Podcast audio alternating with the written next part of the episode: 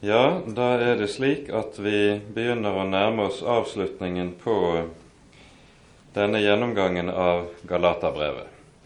Og eh, det kommer vel til å bli slik at i løpet av den bibeltimen som er i kveld, og den som blir i neste uke, eh, da kommer vi til å avslutte denne gjennomgangen av dette brevet. Så, eh, men i dag kommer vi til å gjøre det slik at vi ser nærmere på de siste versene i det femte kapittelet av dette brevet, og eh, også litt i begynnelsen av det sjette kapittelet. Men la oss nå be sammen. Kjære gode Herre og Hellige Far. Nå takker og lover vi deg for all din nåde, for all din godhet imot oss. Takk, Hellige Gud, at du har gitt oss din egen sønn, at du har gjort ham til synd for oss, for at vi i ham skal bli rettferdige for deg. Takk, Hellige Gud, at du for Jesus skyld har gitt oss barnekår hos deg, og med det arverett til all din velsignelse og all din nådes rikdom. Herre, nå ber vi at du etter ditt eget løfte vil komme og være hos oss denne kvelden, at du vil sende din Hellige Ånd og åpenbare ordet ditt for våre hjerter. Herre, Herre, kom du og tal, at det blir ditt ord, dine tanker og ditt lys som får være imellom oss, og ikke et menneskes. Det ber vi, Herre, for Jesus skyld, og takker og lover deg fordi du er god og fordi din miskunnhet varer til evig tid. Amen. Vi gjør det da slik at vi leser fra vers 22 og til og med det første verset i det sjette kapittel. Men Åndens frukt er kjærlighet, glede, fred, langmodighet, mildhet, godhet, trofasthet, saktmodighet og avholdenhet. Mot slike er loven ikke. Men de som hører Kristus Jesus til, har korsfestet kjødet med dets lyster og begjæringer. Dersom vi lever i Ånden, da la oss òg vandre i Ånden. La oss ikke ha lyst til tom ære, så vi egger hverandre og bærer avvind imot hverandre. Brødre, om også et menneske blir overlistet av noen synd, da hjelp ham til rette, dere åndelige, med saktmodighetsånd, men se til deg selv at du ikke òg blir fristet. Amen.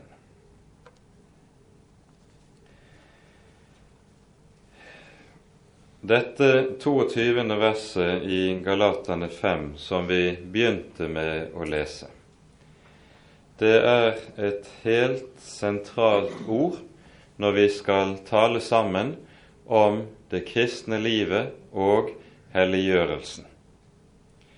Og det vi merker oss, det er at det livet som er liv i Ånden, det betegnes ved hjelp av ordet frukt.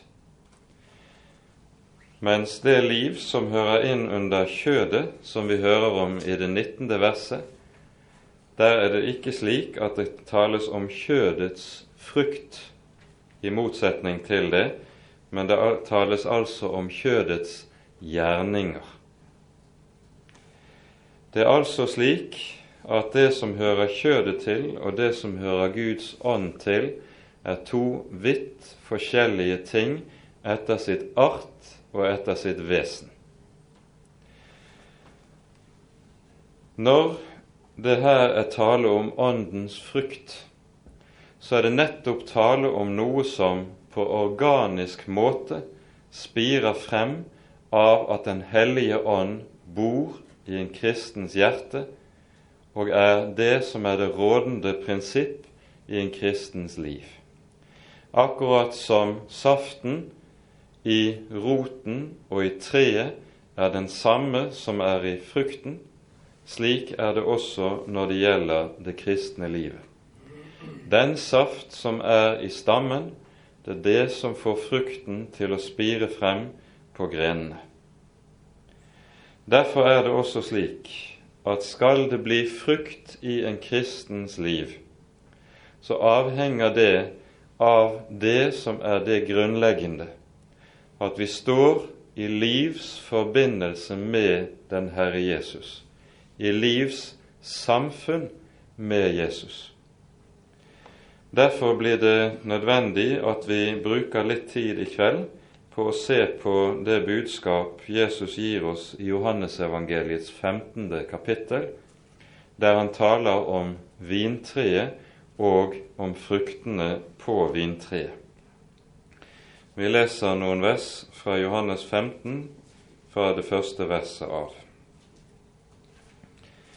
Jeg er det sanne vintre, og min Fader er vingårdsmannen. Hver gren på meg som ikke bærer frukt, den tar han bort, og hver den som bærer frukt, den renser han for at den skal bære mer frukt. Dere er alt rene på grunn av det ord jeg har talt til dere. Bli i meg, så blir jeg i dere. Like som grenen ikke kan bære frukt av seg selv, men bare når den blir i vintreet, således heller ikke dere uten at dere blir i meg. Jeg er vintreet, dere er grenene. Den som blir i meg, og jeg i ham, han bærer megen frukt. For uten meg kan dere intet gjøre. Om noen ikke blir i meg, da kastes han ut som en gren og visner, og de sankes sammen og kastes på ilden, og de brenner. Dersom dere blir i meg, og mine ord blir i dere, da be om hva dere vil, og dere skal få det. Her bruker Jesus et bilde som er overmåte anskuelig. Og vi forstår så meget vel at grenen, den kan ikke bære frukt dersom den brytes løs fra stammen. Det at grenen er ett med stammen, det er grunnforutsetningen for at det overhodet kan være tale om frukt på grenene. Og Derfor er det Jesus sier hele ti ganger her i dette 15. kapittel i Johannesevangeliet ordene 'bli i meg'. Og Når Jesus gjør dette, så, og når Jesus gjentar seg selv på en slik måte, så er jo det for å understreke med stor styrke det som er det grunnleggende i denne sammenheng. Skal det bli frukt i en kristens liv, er det betinget av nettopp livssamfunnet med Jesus. Og Dermed er vi inne på det som vi har vært inne på tidligere. Det er ikke loven som kan gi frukt i en kristens liv. Tvert om, det er evangeliet.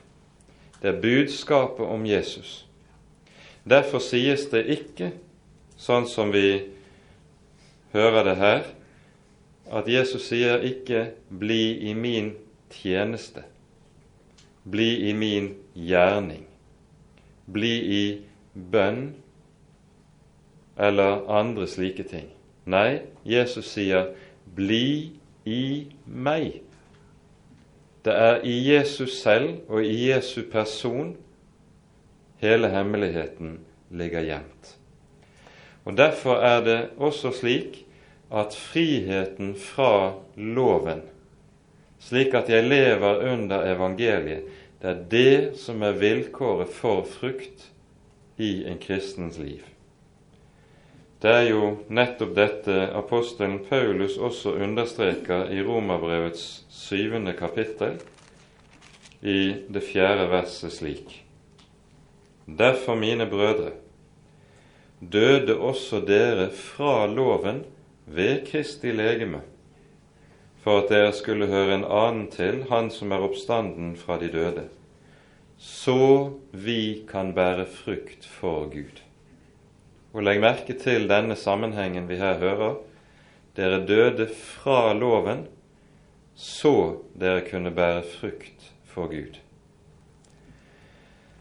Dermed så finner vi også det som er hemmeligheten til at det er noen kristne som kan bære det Jesus her kaller for megen frukt, mens det også er andre troende som har det med det at det synes å bli lite frukt i deres liv.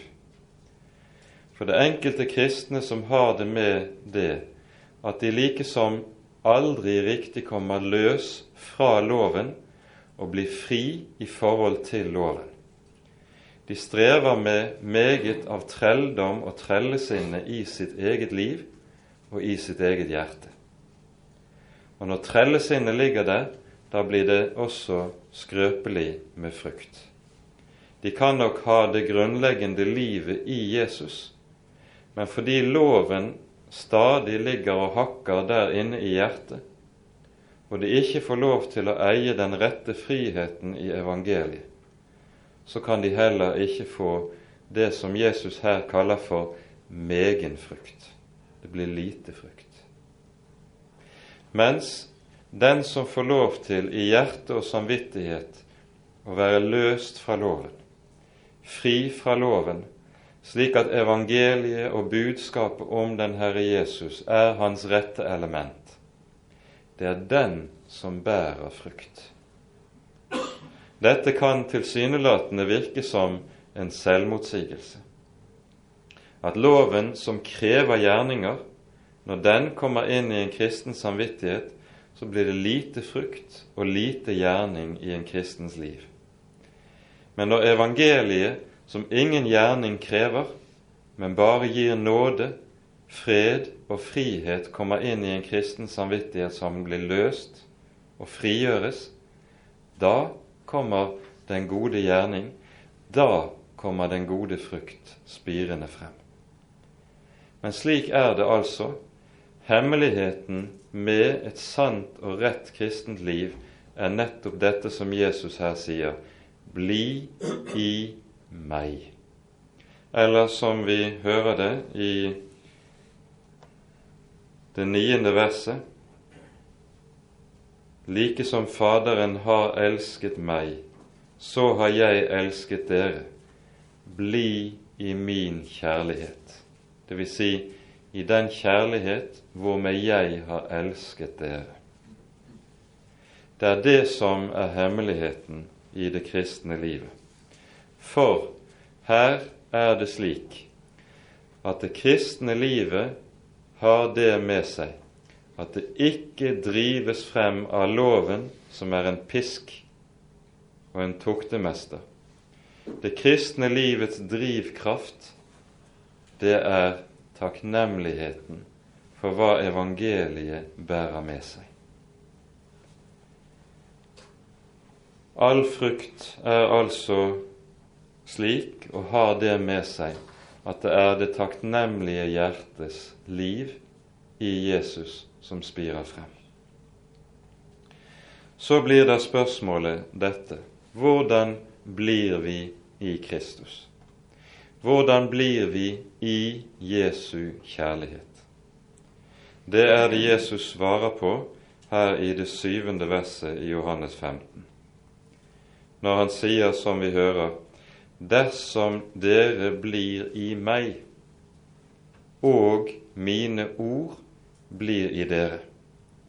Dette er gjerne det som har vært kalt for en hebraisme i Johannesevangeliet, som for øvrig er full av slikt.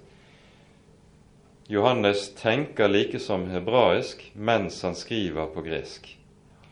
Og da kan det vel bedre oversettes slik dersom dere blir i meg ved at mine ord blir i dere.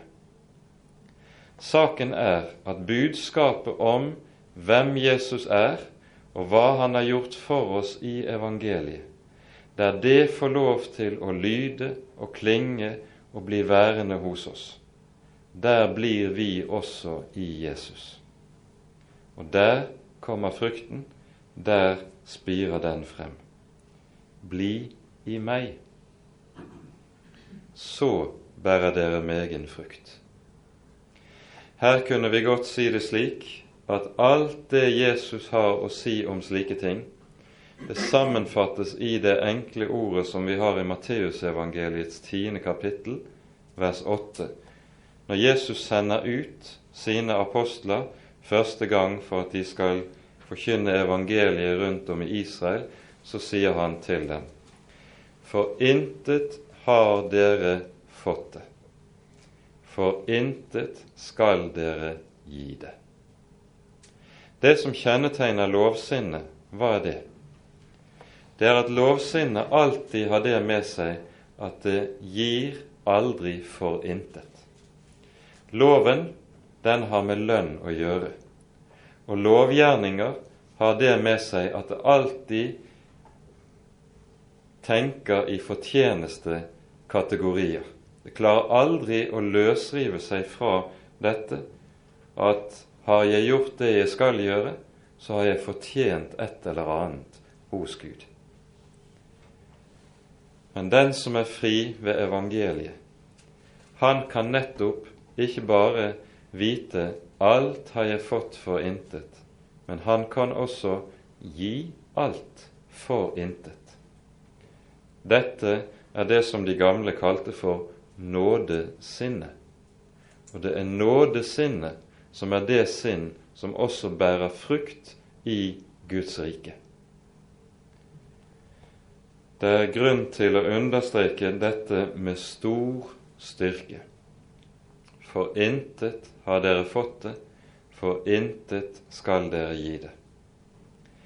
Derfor er det også slik at der loven kommer inn, der er det slik at mennesket i sitt gudsforhold tenker Gud krever meg av meg både den ene og den annen gjerning. Men der evangeliet kommer inn, der er jeg fri, og der kan jeg vite Gud vil ikke ha mine gjerninger i det hele tatt. Han vil ikke se dem for sine øyne. Det eneste Gud vil se for sine øyne, det er sin sønn og hans gjerning. For det er det som gjelder i Guds øyne, ikke min gjerning. Og Derfor behøver jeg overhodet ikke å komme til Gud med mine gjerninger. Hvem er det som skal ha mine gjerninger? Det er min neste. Og Derfor er frukten av at evangeliet om Jesus har fått rom i hjertet. Frukten av at jeg slik er blitt fri fra loven, det er at jeg kan begynne å tjene min neste. Ikke med tanke på fortjeneste, ikke med tanke på å vente gjengjeld, men for intet. Og det å gi for intet, det er nettopp betinget av at jeg også har fått for intet. Disse to tingene henger på grunnleggende vis sammen. Og Da skjønner vi også at vi er borte i det som er Åndens første frukt. Og Åndens første frukt, det er kjærligheten. Hva er det som kjennetegner kjærligheten? Kjærligheten søker ikke sitt eget, ser et, ikke etter mitt eget beste, men ser til hva er best for min neste, hva er best for min felle. Slik brytes det som er en av syndefallets mest grunnleggende følger. For syndefallets Noe av det som er syndefallets vesen, er at selvet og selvlivet kommer i sentrum. Jeg søker meg selv, jeg søker mitt eget. Og i stedet for å tjene min neste, så bruker jeg min neste til egen fordel. Egoismen er slik etter sin art at den nettopp ikke verken ønsker å tjene eller søker nestens beste, men den bruker nesten til egen vinning. Det ser vi i det små, og vi ser det i det store, i politikkens og kapitalens og i maktens verden. Alle steder er det det som gjelder. Men der det gamle menneskets makt er brutt ved evangeliet. Der kommer det annet inn. Kjærligheten søker ikke sitt eget. Alt har jeg fått for intet, så kan jeg også gi for intet. Dette er da også det som kjennetegner det nye mennesket. Og det nye mennesket har det da også med dette at det stadig trenger å hente ny næring ut av evangeliet. Det gamle mennesket ønsker slett ikke dette som vi her taler om. Vi skal komme litt tilbake til det om et øyeblikk. Men det nye mennesket, det henter sin næring her. Og Derfor er det det også står skrevet i det kjente ordet hos, hos Nehemia i Det gamle testamentet, der det står 'Gleden i Herren' er deres styrke. For hva er det som er styrken i det kristne liv, slik at en kristen nettopp bærer frukt for Gud, slik at han blir en tjener for sin neste og i menigheten? Jo, det er gleden i Herren. Det den store forundringen som aldri riktig kan slippe taket i meg, at Han som er Herre, kjenner meg inn til grunnen av mitt hjerte og min sjel. Han ser hver eneste lommer av krok av mitt hjerte, kjenner til alt det mørke dynnet som ligger i bunnen av mitt sjelsliv. Han ser det alt sammen. Og så har han likevel elsket meg, likevel gitt sin sønn i mitt sted. Gleden i Herren er deres styrke. Denne forundring over at Han i sin store godhet elsker en synder som meg. Det er det å gledes i Herren, og dette er også drivkraften i det kristne livet. Derfor er det også Paulus skriver som han gjør det i 2. Korinterbrevs 5. kapittel vers 14 og vers 15.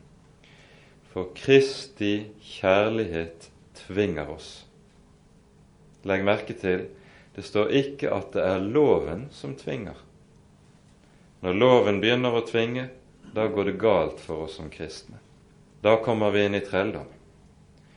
Men når dette får lov til å stå der, som vi her peker på Kristi kjærlighet tvinger oss, da blir det kristne livet det som det skal være, noe som vokser frem av takknemligheten for hva Jesus er, for hva Jesus har gjort for oss.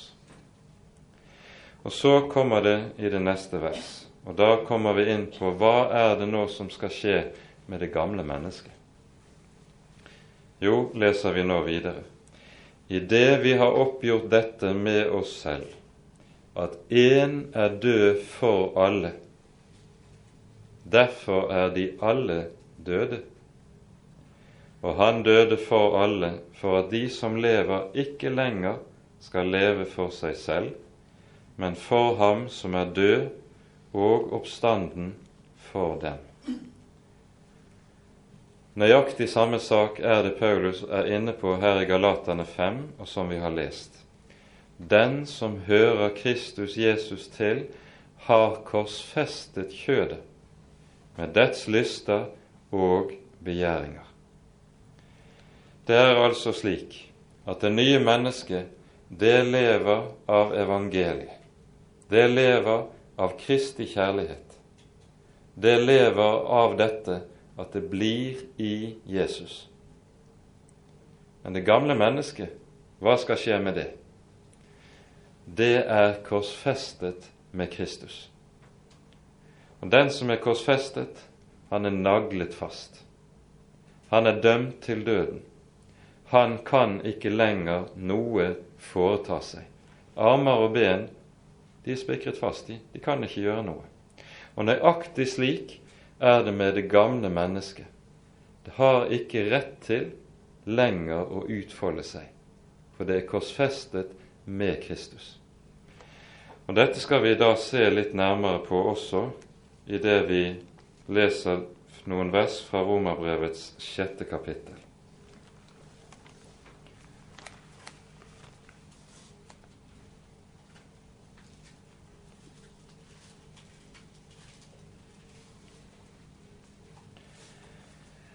Paulus var beskyldt for at det evangelium han forkynte, om nåde hos Gud for intet, det førte til løsaktighet på det moralske området.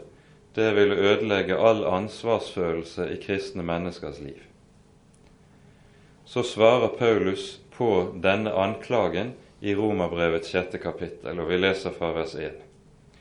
Hva skal vi da si?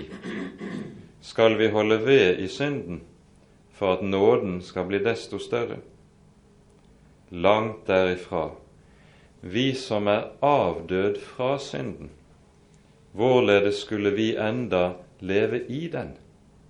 Eller vet dere ikke at alle vi som ble døpt til Kristus Jesus, vi ble døpt til hans død?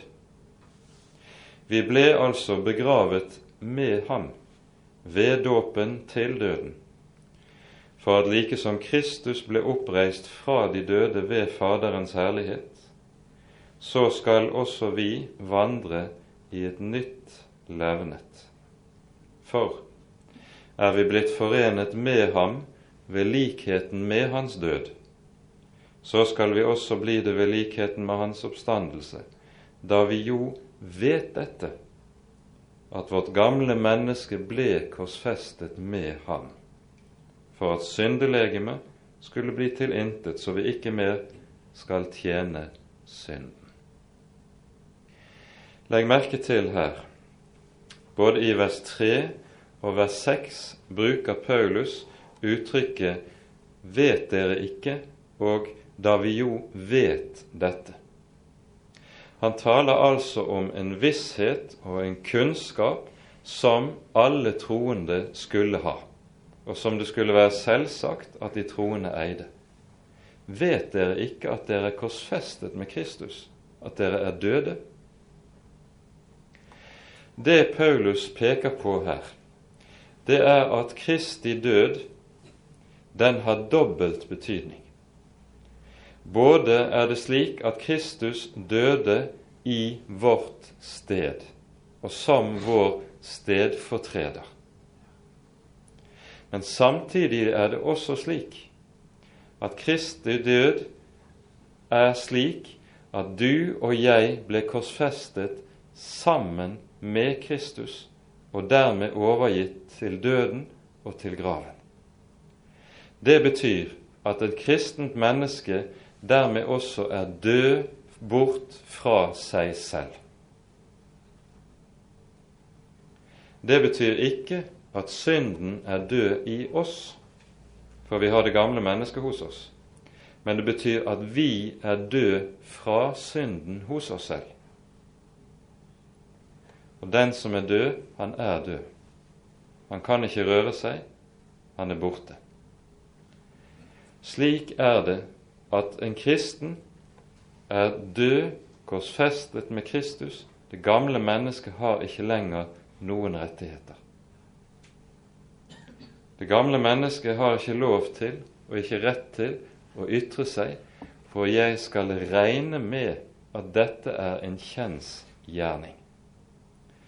Og i dette er det troen stadig blir sett på prøve. For hva er tro? Tro er overbevisning om ting som ikke sies. Og Her er det vi er inne ved noe av det mest grunnleggende i troen. Vi kunne stille spørsmålet Ser du at du er rettferdig for Gud? Nei, ser du på deg selv? Graver du litt ned i ditt eget hjerte, så ser du intet annet enn urettferdighet og synd. Du kan ikke se med dine øyne, føle med dine følelser, at du er fullkomment ren og hellig og rettferdig for Gud. Du må tro det på Guds ord, på evangeliet. Og nøyaktig på samme måte er det med dette som har med det at vi er avdød fra synden. Kan du se det med dine øyne? Kan du føle det med dine følelser? Nei, det vi ser, det er tilsynelatende det stikk motsatte tilfellet. Det gamle mennesket synes som at det er høyst sprell levende. Og Så består da troens øvelse i dette, som vi leser fra vers 11 her i Romerbrevets sjette kapittel. Således skal dere regne dere som døde for synden, men levende for Gud i Kristus Jesus. Det å være en kristen består altså i en øvelse i å regne med denne grunnleggende enhet med Jesus som det taler om her. Enheten med Jesus består i at jeg er forenet med ham i hans død, slik at jeg forenet med hans død er død fra meg selv og fra mitt gamle menneske. Samtidig er jeg også forenet med hans oppstandelse. Så det nye liv som jeg skal leve, hva er det? Det er Kristi oppstandelsesliv som skal ta og vinne skikkelse hos meg. Derfor frukt, hva er det? Det er jo det som kommer fra Jesus selv. Det er Jesus som vinner skikkelse i meg og i mitt liv. Det er det kristne livet. Det kristne livet består aldeles ikke i selvforbedring. Det står ikke i at jeg blir, består ikke i at jeg blir et pent papir. Nei, jeg dør, legges i graven med den Herre Jesus, og så oppstår jeg med ham for at hans liv kan vinne skikkelse hos meg. Det nye livet er altså Kristus som vinner skikkelse i oss. Det nye livet består i at det er Jesus som er min helliggjørelse. Min helliggjørelse er altså ikke, som vi har sagt det, det er ikke selvforbedring. Men det består i at Jesus får lov til å være den han vil være i mitt liv og for mitt hjerte. Og her er det da vi har den store og grunnleggende sammenheng. Sammenhengen mellom de to tingene Kristus for oss og Kristus i oss. Bare hvis Jesus får lov til å gjelde for meg, kan Jesus også få gjøre sin gjerning i meg. Og dette er da hemmeligheten i det kristne liv så er det da også slik at av denne grunn er det at når Den hellige ånd skal virke hos oss til å skape frukt, hvordan gjør han det? Nøyaktig på samme måte som da han skapte et frelst menneske av meg. Hvordan skjedde det? Johannes 16, 14 sier Jesus om Åndens gjerning. Han skal herliggjøre meg, for han skal ta av mitt og forkynne dere. Når Jesus ble herliggjort, når Jesus ble stor for meg, da ble jeg frelst. Jeg fikk se hva det var Jesus hadde gjort, og så knyttet hjertet mitt seg til ham. Og nøyaktig slik er det også med livet og helliggjørelsen. Ånden herliggjør Jesus for oss, og så spirer det frem frukt av det. Det er det som er hemmeligheten. Og Derfor er det også slik som vi har pekt på det. Helliggjørelsens hemmelighet ligger i budskapet i evangeliet. Derfor er det slik som vi har pekt på det med et sitat fra Rosenius, når han sier mange går til Kristus for å bli rettferdiggjort, og så går de til Moses for å bli helliggjort.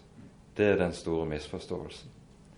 Vi må også gå til Kristus hvis vi vil bli helliggjorte mennesker. Det er budskapet i evangeliet om Jesus som er hemmeligheten i det kristne livet. Derfor er det også slik at den som bærer frukt, det er det mennesket som er avhengig av Jesus. Den som trenger Jesus, som ikke kan unnvære Jesus, det er den som bærer frukt. Det er der hvor Jesus får lov til å bli umistelig for et menneskes hjerte. Det er der det også spirer frem disse åndens frukter kjærlighet, glede, fred, langmodighet osv. Hemmeligheten er budskapet i evangeliet. Det er dette også Paulus taler om i en rekke andre sammenhenger. La oss her minne bare om Filippabrevets tredje kapittel, som nettopp peker på denne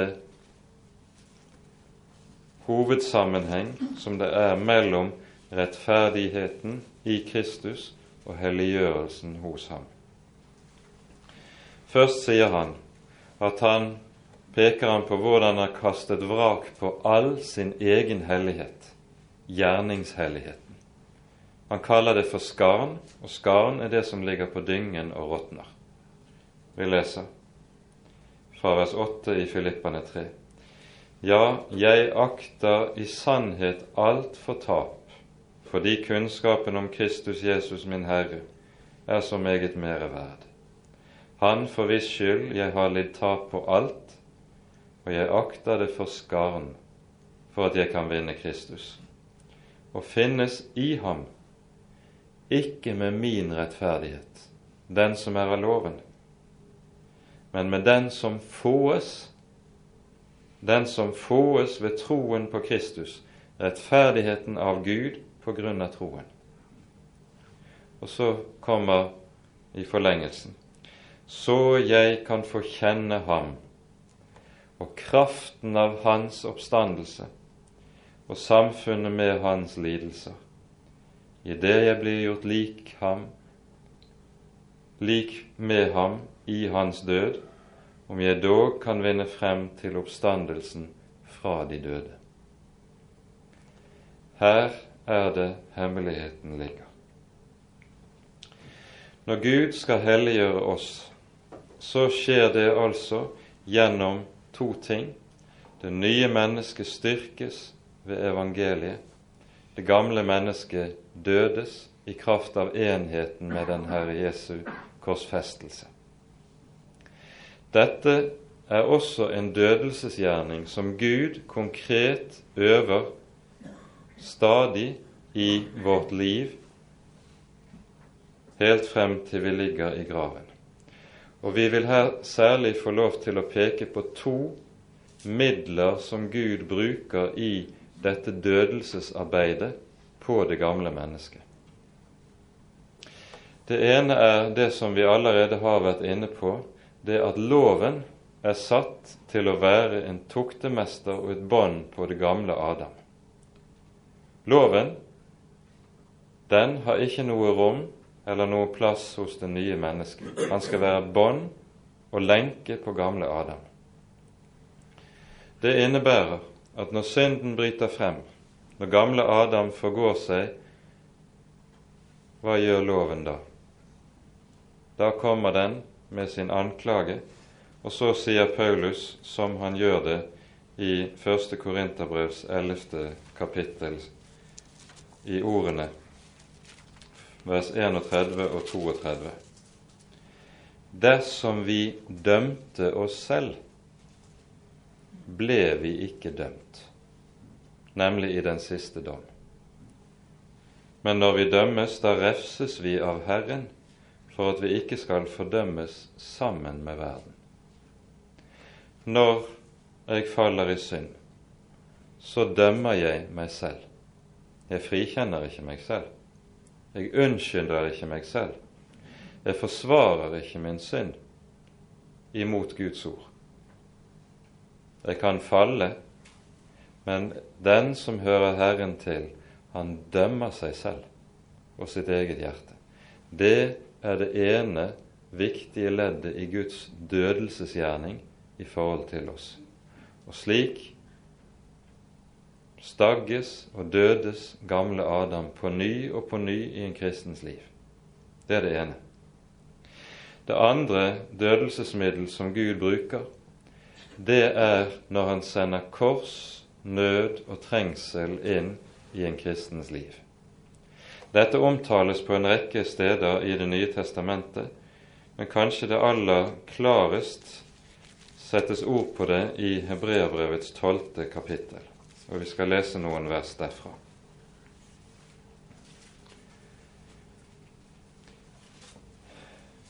Ennå vi leser fra Hebreane 12, fra vers 4 av. Ennå har dere ikke gjort motstand like til blodet i deres kamp mot synden. Og dere har glemt den formaning som taler til dere som til barn. Min sønn, akt ikke Herrens tukt ringe og bli ikke motløs når du refses av ham. For den Herren elsker, den tukter han, og han hudstryker hver sønn han tar seg av. Kors og trengsel i en kristens liv, det er med andre ord uttrykk for Guds kjærlighet mot Guds barn. Viktig å legge merke til. Og så leser vi videre. Det er for tuktens skyld at dere tåler lidelse. Gud gjør med dere som sønner, for hvem er den sønn hans far ikke tukter? Men er dere uten tukt, som alle har fått sin del av, da er dere uekte barn. Dessuten, våre kjødelige fedre hadde vi til opptuktere, og vi hadde ærefrykt for dem skal vi da ikke meget mer være lydige mot åndenes far, så vi får leve?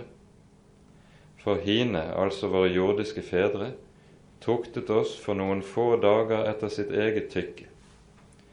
Men Han tukter oss til vårt gagn, for at vi skal få del i Hans hellighet. Merk det. Altså kors og trengsel, det at Herren tukter og døder oss gjennom nød som vi må oppleve på livets vei, det er et Guds redskap til at vi skal få del i Hans hellighet. Slik vil det altså være at Han som er vår rette Far, han styrer og leder våre liv på en slik måte at når vi opplever det som er vanskelig i livet, det som volder nød og smerte, sorg og pine i en kristens hjerte, så er dette uttrykk for nettopp at Faderen på denne måte, ved å føre våre liv, døder det gamle mennesket og gir oss del i sin hellighet. Slik er det også at en prøvet kristen regelmessig også er en helliggjort kristen. Det viser livets erfaring også. På denne måten arbeider altså Han som er vår Herre og Far, både gjennom å styre vårt liv og gjennom å anvende lovens dommer på det gamle mennesket, slik at han døder og korsfester gamle Adam, slik at det nye mennesket ikke skal så å si ha for tunge blylodder som drar det ned og hindrer det i å bære frukt og få utfolde seg, så Kristus skal vinne skikkelse i oss. Dette er noe av helliggjørelsens hemmelighet. Vi må imidlertid komme inn på én ting til før vi setter punktum i dag. Når vi sier at det gamle mennesket er korsfestet med Kristus, det gamle mennesket skal dødes og legges i graven, så mener vi jo når vi taler bibelsk om kjødet og det gamle mennesket, så er jo det gamle mennesket ikke bare det som er de store ytre eller grove synder, horeri eller mord eller tyveri eller lignende ting. Det hører til kjødet. Men kjødet har jo også de finere synder. Den fromme kjødelighet er også farlig, og den fromme kjødelighet skal også dødes og legges i grav. Det er altså ikke bare den stygge kjødeligheten, men også den fromme kjødeligheten, som består i hykleri, religiøs selvtillit og selvstorhet og alle slike ting som springer ut av det, også det skal dødes og legges i grav.